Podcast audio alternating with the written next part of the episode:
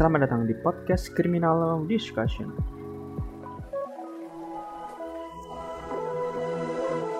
Buat teman-teman nih yang belum tahu, Criminal Law Discussion atau CLD adalah study club di ruang lingkup Fakultas Hukum Universitas Islam Indonesia yang merupakan komunitas yang memiliki ketertarikan atau concern pada hukum pidana. So, enjoy the podcast.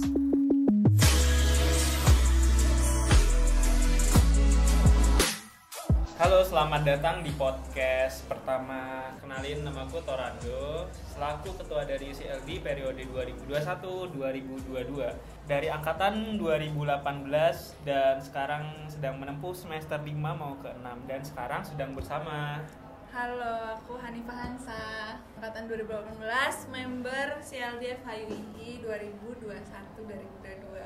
Oh iya. Anjay. Ini dipanggilnya enaknya apa ini? Panggil IPH aja. Oh IP, seperti masa lalu ya. Jadi Torando tuh teman lama aku, guys. Ah, lama. iya. Jadi kita chemistry-nya udah dapat banget ya. Iya. Jadi Bener. udah saling Udah mengerti satu bestie. sama. Bestie banget, klop banget parah pokoknya.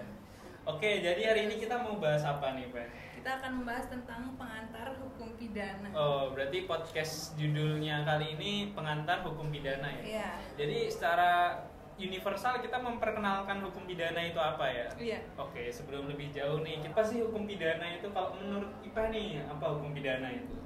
Kalau menurut aku hukum pidana tuh pokoknya kita mempelajari tentang kriminalitas. Oh. Jadi peraturan-peraturannya tuh semuanya ada di dalam hukum pidana. Hmm, Betul tidak? Oh, Kalau menurut Torando apa nih? Kalau menurut perspektifku pribadi adalah hukum yang mengatur tentang kejahatan. Ya kurang lebih sama lah kita.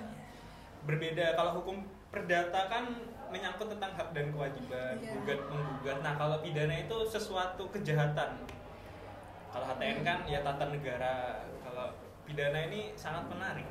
Menyangkut hukum pidana kan kita kalau berbicara hukum selalu menyangkut dengan asas. Berbeda Hmm. dengan asas hukum tata negara, Iya. hukum perdata dan hukum pidana kan memiliki asas masing-masing. Nah, kalau IPA nih tahu nih asas-asas di hukum pidana nih apa aja kira-kira menurutmu? Asas legalitas ya. Oh, asas legalitas. Itu kayaknya sudah sangat familiar sekali ya di kalangan orang-orang. mahasiswa sejak mahasiswa baru sepertinya sudah diajarkan ya. Iya betul sekali. Apa itu asas legalitas? Asas legalitas tuh bisa dijelasin nggak Tor? Oh, iya iya. Bagus ya melempar pertanyaan gitu. Maklumi sih, Iya. soalnya itu udah pelajaran lama tapi Udah lama lah. Eh, Kan kita kan semester tua jadi ya mm, tua banget. tua parah. Tolong jelasin. Oh iya, back to topic. Asas legalitas ya. Iya. Jadi asas legalitas itu eh dia ada di pasal 1 ayat 1 KUHP Mm-mm. yang berbunyi nullum delictum noella poena.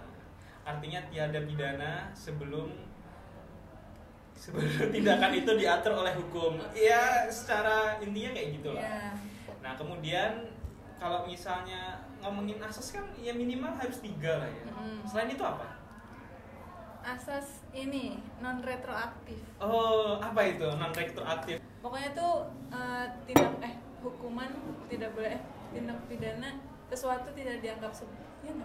Eh, tidak berlaku surut. tidak berlaku surut nah itu Oh maksudnya. iya benar sekali. Contohnya gimana tuh contohnya tuh? Gimana? Contohnya kasus bom. Oh kasus bom. Bom Bali ya, bom Bali ya, bom Bali. Ah, Jadi kan waktu itu ada bom nih Ton, Ah, ada ah. bom di Bali itu kan. ah, Nurdin M Top juga Iya, ya, benar. kasusnya Nurdin M Iya. Top pas kita masih kecil ya. Nah itu kan tahun 2001. Iya. Kemudian eh, Terus unda- habis itu, kita kan tidak memiliki undang-undang ya, terorisme belum ya, ada, ya. belum ada undang terorisme. Barulah setelah ada. Kejadian bom Itu. itu undang-undangnya disahkan di 2002 Ya. kemudian baru malah undang-undangnya itu ditarik mundur untuk menangani kejahatan di 2021 Mm-mm. di 2001. 2001. Nah, itu kan e, banyak pertentangan di kalangan ahli. Sebenarnya ya hukum pidana itu ya tidak bisa seperti itu. Iya. Harusnya dijerat aja pakai pasal pembunuhan ya pasal pembunuhan bisa ya pokoknya pasal-pasal selain itu selain undang-undang terorisme lah karena itu kan berlaku surut. Itu Pak Muzakir sangat menentang sih. Kemudian asas apa lagi itu baru dua loh, baru dua asasnya itu baru dijelasin. Kan aku udah dua nih, hmm, kamu satunya. lagi. Oh, enggak sih, biar adil dua-dua aja. Oh, ya udah. Oh, iya. Ayo. Minta banyak ya. Oh. Ya udah. Sok pintar sekali ya. Ya, nggak apa-apa sharing Setauku a- ada asas praduga tak bersalah. Hmm. Presumption innocent. Eh, jadi seseorang itu tidak boleh dianggap melakukan kejahatan sebelum adanya putusan pengadilan yang Ya. inkrah. Ya kurang lebih seperti itu.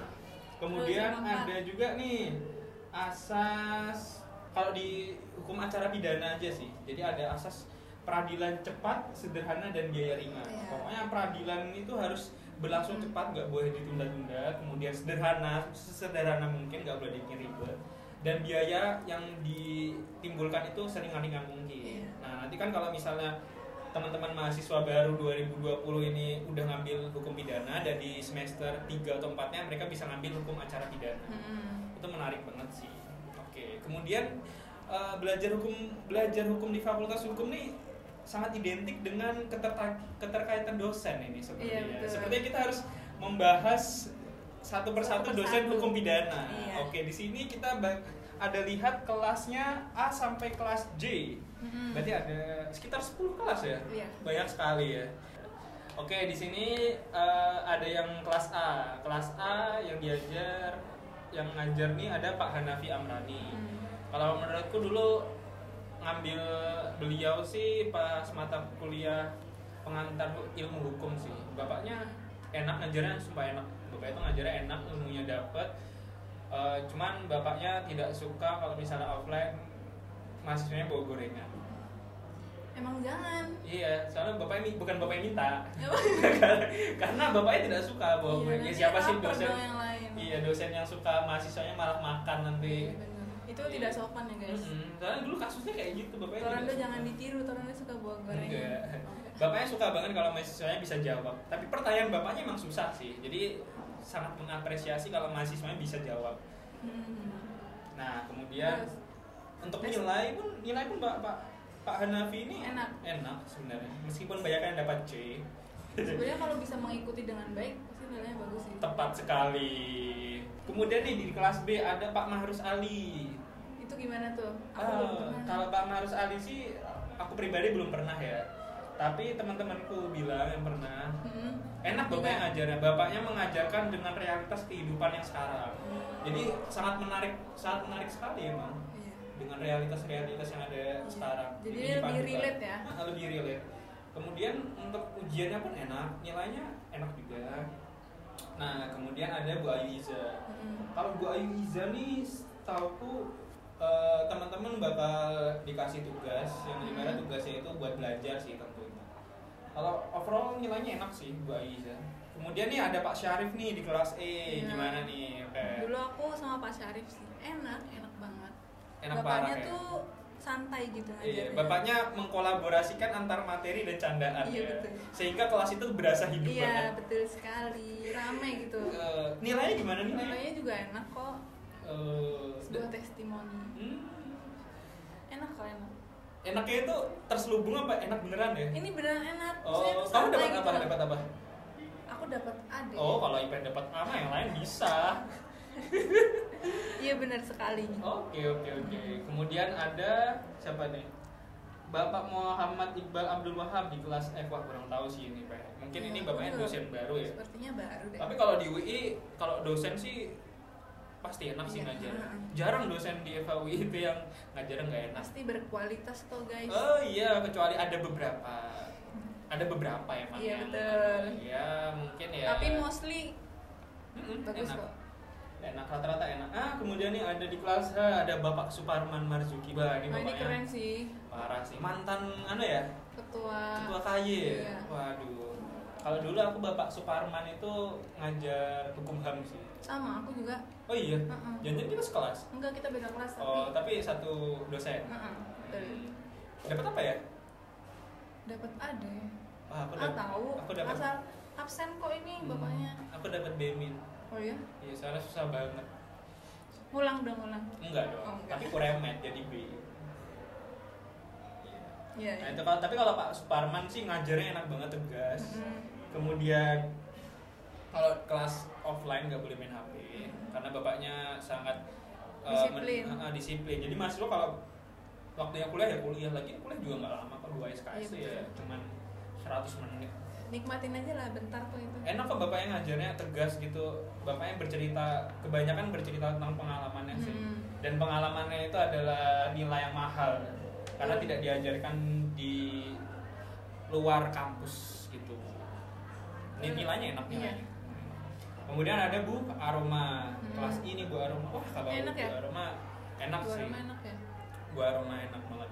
Beliau ini eh, sangat dekat dengan Pak Artijo Alkosta. oh Jadi iya, Bu. Aroma ini dia basicnya emang korupsi, Hmm.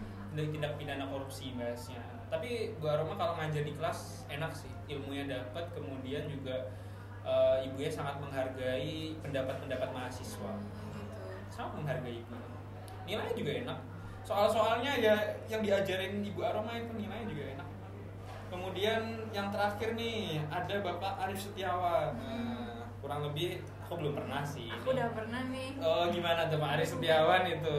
tapi dulu? aku ambil acara pidana sih Oh. jadi memang lebih berat daripada hukum pidana kan Hmm, iya iya iya iya. sebenarnya ngajarnya enak enak banget materinya tuh dapat cuman soal ujiannya aja yang rada Saya susah ya. Tapi kalau mahasiswa sekarang sih apalagi online ya, soalnya Bisa bisa, lah, lah. Bisa ah, dokter Google tuh apa aja bisa, lah. profesor Google itu. betul sekali Oke, itu tadi pembahasan dosen. Overall semuanya enak sih. Kalau aku merekomendasikan ya Pak Muzakir sih, the best. Iya.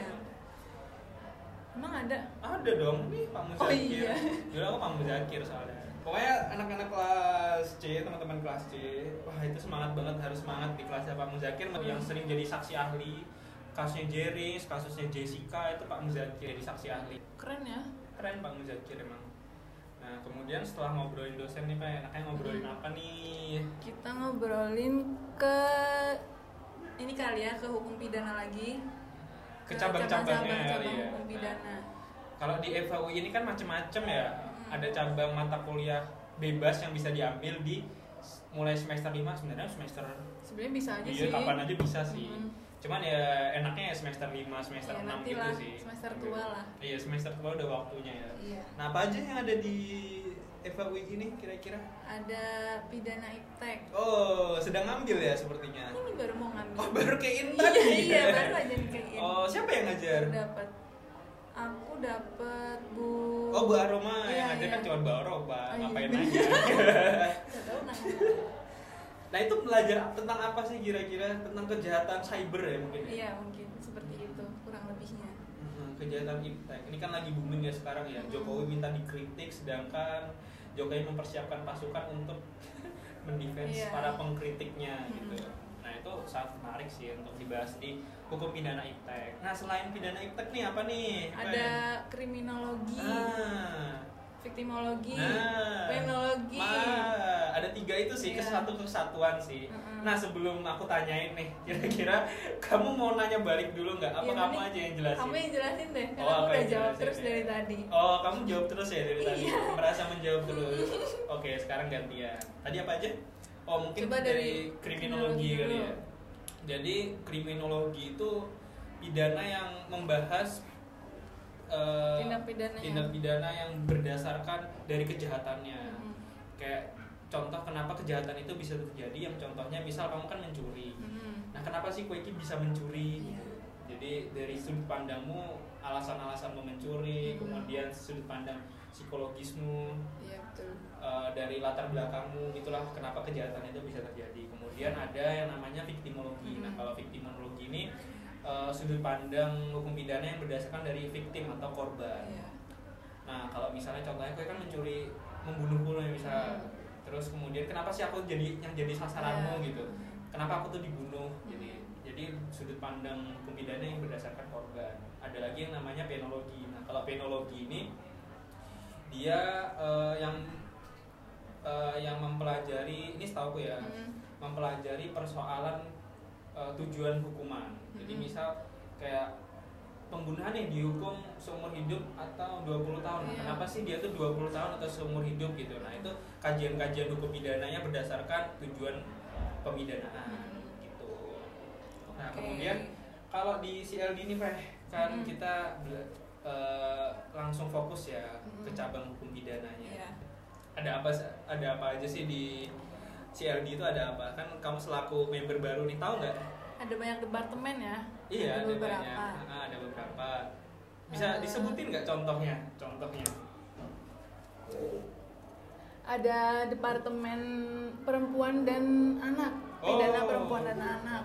Oh, kamu ngambil concern di situ ya tadi ya, eh, bisnis formnya ya. Iya. dan Kak Kartu dong ntar. Oke, mungkin aku aja yang jelasin ya Iya, langsung iya. ya. Dari- Ketuanya aja nih yang jelasin biar jelas. Oh, Saya kan member baru. oh iya iya. Jadi di CLD itu ada empat concern hukum pidana. Mm. Jadi yang pertama ada pidana keuangan dan korporasi, Hmm. kemudian yang kedua ada pidana perempuan dan anak, kemudian ada pidana lingkungan hidup, Hmm. dan yang terakhir adalah pidana internasional dan hak asasi manusia. Iya. Oke, kita bakal mengupas tuntas satu saat masing-masing Iya. departemen ya. Jadi nanti kalau misalnya teman-teman uh, concern di situ, nanti teman-teman bakalan masuk fokus ke departemennya, fokus kajiannya ke situ, Iya, betul. dan teman-teman juga tidak menutup kemungkinan misal kamu nih Peh, uh, milih pidana lingkungan hidup, tapi kamu ya tetap bisa belajar Iya. uh, cabang-cabang hukum Karena pidana kita belajar bersama-sama Iya, ya. karena CLB tempatnya belajar Iya. hukum pidana. Ah, member baru sih. Sorry, masih terbata-bata nih. Oke, jadi kita bakal membahas nih yang pertama pidana eh pidana Departemen Pidana Keuangan dan Korporasi. Nah, jadi Departemen Pidana Keuangan dan Korporasi ini berfokus pada tindak tindak pidana keuangan seperti halnya tindak pidana korupsi. Nah, kan banyak banget nih pokoknya di Indonesia ini hampir setiap bulan lah Iya betul. tetap sekali. ada aja tindak pidana korupsi yang itu tuh udah menjadi darah daging Mm-mm. dari pejabat-pejabat Indonesia. Bukan hal yang Tabu lagi lah. udah hal yang biasa lah Iya. ibaratnya kayak ngerokok deh Jadi udah ya absen lah tiap bulannya ya kita doakan semoga korupsi di Indonesia tingkatnya menurun lah ya iya. apalagi ini kan kita lagi bencana bencananya dan juga kita berbicara persoalan korporasi yang kor di mana korporasi ini e, berbeda dengan kejahatan yang dilakukan oleh seorang person atau Hmm. seseorang bedanya apa Peh? kalau misalnya kita melakukan tindak pidana korporasi, Iya. berarti nanti yang diberi yang dikenakan hukuman tuh korporasinya, Oh, bukan, perusahaannya, bukan organ-organnya direktur gitu bukan ya? bukan. Oh. Jadi ke perusahaannya yang kena. Hmm, berarti nanti hukumannya itu semacam apa tuh? Masa korporasinya dikurung penjara? Denda ya, Oh, berupa denda. iya. Oh. Misalnya kamu nih Nah, um, eksploitasi Kalimantan misalnya. Kalimantan, iya. Hmm, terus habis itu iya. Walhi, kamu tahu Walhi nggak sih wahana lingkungan hidup itu? Iya. Jadi dia kan bisa melaporkan kejahatan terhadap lingkungan. Jadi Hmm. misal Walhi ini ngelaporin perusahaanku nih, Iya. Ya, nanti perusahaan kamu jadinya kena denda. ya? Hmm, kena denda. Gitu. Terus Berbeda dengan person kalau misalnya kamu melakukan kejahatan kan kamu yang dihukum ya. iya. Oke oke. Betul. Nah gitu sih depan Hmm. secara universal penjelasan Hmm. departemen keuangan dan korporasi yang cukup menarik menurutku soalnya permasalahan di Indonesia banyak banget. Iya betul. Kemudian Terus yang kedua ada departemen pidana lingkungan hidup. Mm-mm. Ini ini ya berkaitan dengan lingkungan itu masalah yang ini sebenarnya kompleks. Iya sih, apalagi di Indonesia sekarang kan lagi Iya. banyak banget bencana banjir ya Hmm. terutama.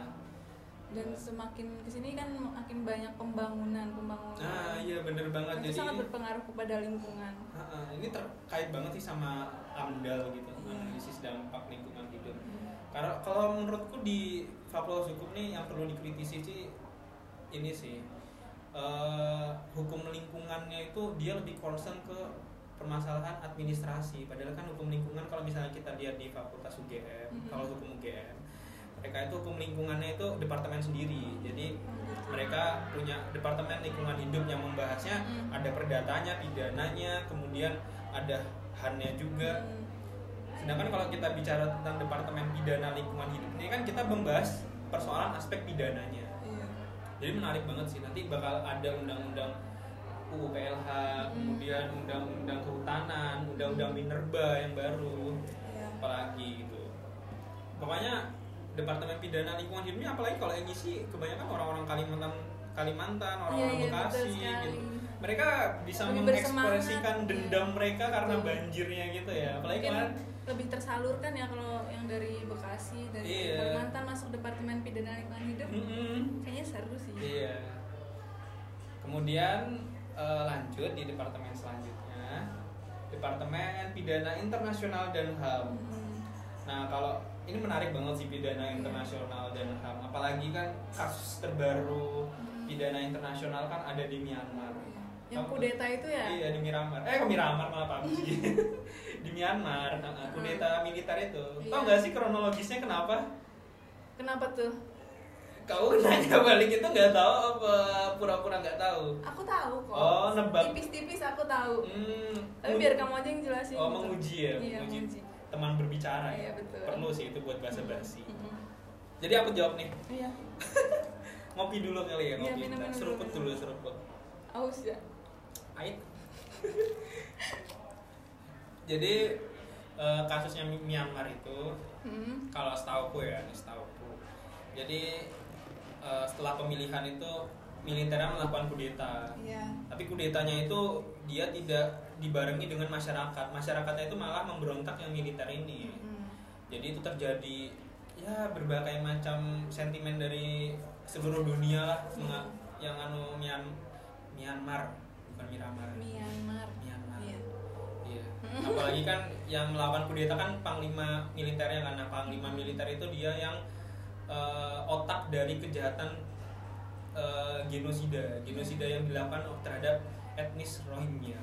Nah, itu menarik banget sih buat pembahasan di Departemen Pidana Internasional ini. Mungkin nanti selanjutnya bisa dibikin diskusi ya di segmen dan selanjutnya. masih banyak lagi topik-topik tentang pidana internasional Oh iya, dan hak asasi manusia. Kalau hak asasi manusia di Indonesia ini wah banyak banget sih emang. Kalau kata Pak Eko Riyadi itu singkatnya pengertian hak asasi manusia ini kan bakal dapat juga ya nanti ya di semester 3. iya Kejahatan HAM itu adalah bagaimana cara negara memperlakukan warga negaranya. Banyak sih yang belum terselesaikan masa permasalahan HAM di Indonesia ini. Jadinya kalau kata Pak Muzakir sih kalau misalnya Indonesia nggak mampu untuk menyelesaikan kasus HAM ya diserahkan aja ke pengadilan internasional gitu. Menarik sih departemen ini. Overall menarik.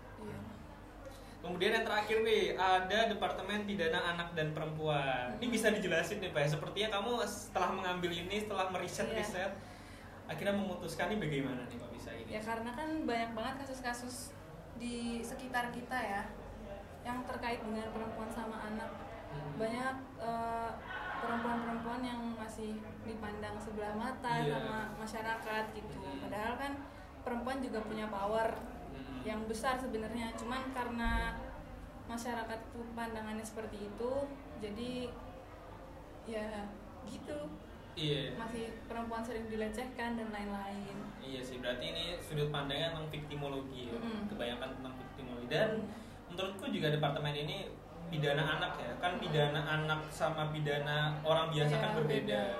Ya gampangannya intinya kalau pidana anak itu dalam proses acara pidananya kan hakimnya tunggal, nggak boleh pakai toga, pakainya baju biasa, Iya. kemeja atau batik. Kemudian dia sidangnya tertutup, kemudian kalau misalnya diberikan hukuman, hukumannya dikurangi sepertiga gitu.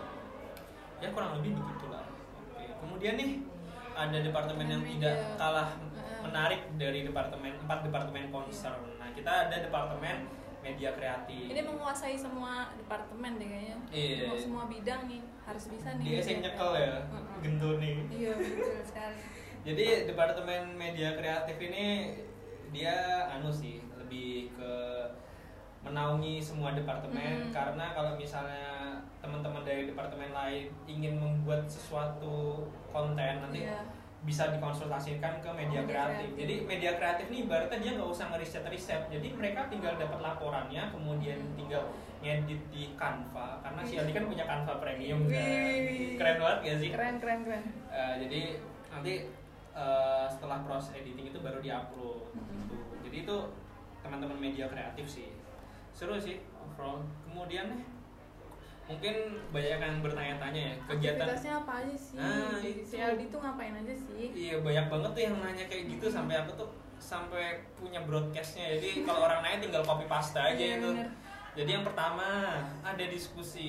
Dulu kalau offline sih kita sering banget ngadain diskusi di kafe-kafe gitu karena menurutku CLD itu esensinya adalah temen temen ngobrol yang dia tuh eh, memiliki fokus atau kajian di hukum pidana Hmm. Jadi kita kayak gini aja kayak nongkrong gitu di biar kafe atau nongkrongnya bermanfaat guys Ah, gabung ah. ke CLD nanti kita diskusi ya iya biar nggak gibah terus Hmm, jangan dikurang-kurangin tuh gibah kita mungkin Iya. belajar aja Nah, kemudian di tongkrongan kita nanti kita bakal bahas tuh. Biasanya ada tuh pemantiknya. Misal hari ini jatahmu, kamu tuh ngobrolin tentang kejahatan yang di Mya- Myanmar Hmm. misal. Kita bakal bahas nih, ayo kumpul yuk di Lusit misalnya di Tamsis Iya, ya. dilurusin. Di Tamsis. Biasa anak-anak kumpulnya kalau nggak di Pici di Lusit sih. Oh, iya. Itu. Mungkin nanti teman-teman 2020 bakal ngerti lah setelah kuliah di Fakultas Hukum. iya guys paling di situ-situ aja Iya di situ-situ aja. Kalau enggak di kampus sih. Biasanya ya teman-teman bosen sih di kampus di kelas-kelas. Jadi kita keluar negeri, enggak keluar negeri, keluar kampus gitu. Kemudian eh itu ngob namanya ngopi sih pak. Jadi ngobrol Ngopi. pidana. Ngopi, ngobrol. Ada kopinya juga. ya, kalau emang. ngopi mendingan ya di kafe aja Iya, masa ya di Dilurusin apa di pici gitu Nah iya di situ. Kemudian ada kita tuh kegiatannya buat konten. Nah karena kita online, jadi kita bakal kebanyakan nanti membuat konten di Instagram, Hmm. buat di post. Nanti kita juga ini kan termasuk konten buat Hmm. buat podcast Iya, iya. gitu. Nanti teman-teman juga bisa ngisi nih meskipun teman-teman anggota. Kalau misalnya teman-teman mau ngisi ya tinggal bilang aja nanti iya kami sediakan lah semuanya di dieditin ya teman-teman asalkan niatnya oke nanti lah pokoknya. direalisasikan Nah iya. Kemudian Gitu. ada banyak sih acara-acaranya, Peh. Kemudian ada belajar bareng nih, belajar bareng biasanya diadainnya pas Semujian ya Iya, pas ujian. Misal besok nih ujian hukum pidana nih, UTS lah ibarat. Jadi kita Belajar ada yang gitu, ha, belajar bareng-bareng. Kemudian nanti ada teman-teman eh, kak- kak- kakak tingkat yang Hmm. bantu teman-teman buat jawab-jawab soal-soal tahun kemarin, misal Hmm. buat pengal bagi-bagi pengalamannya menghadapi soal-soal ujian. Iya. kan dosen kan masing-masing kan beda-beda kan.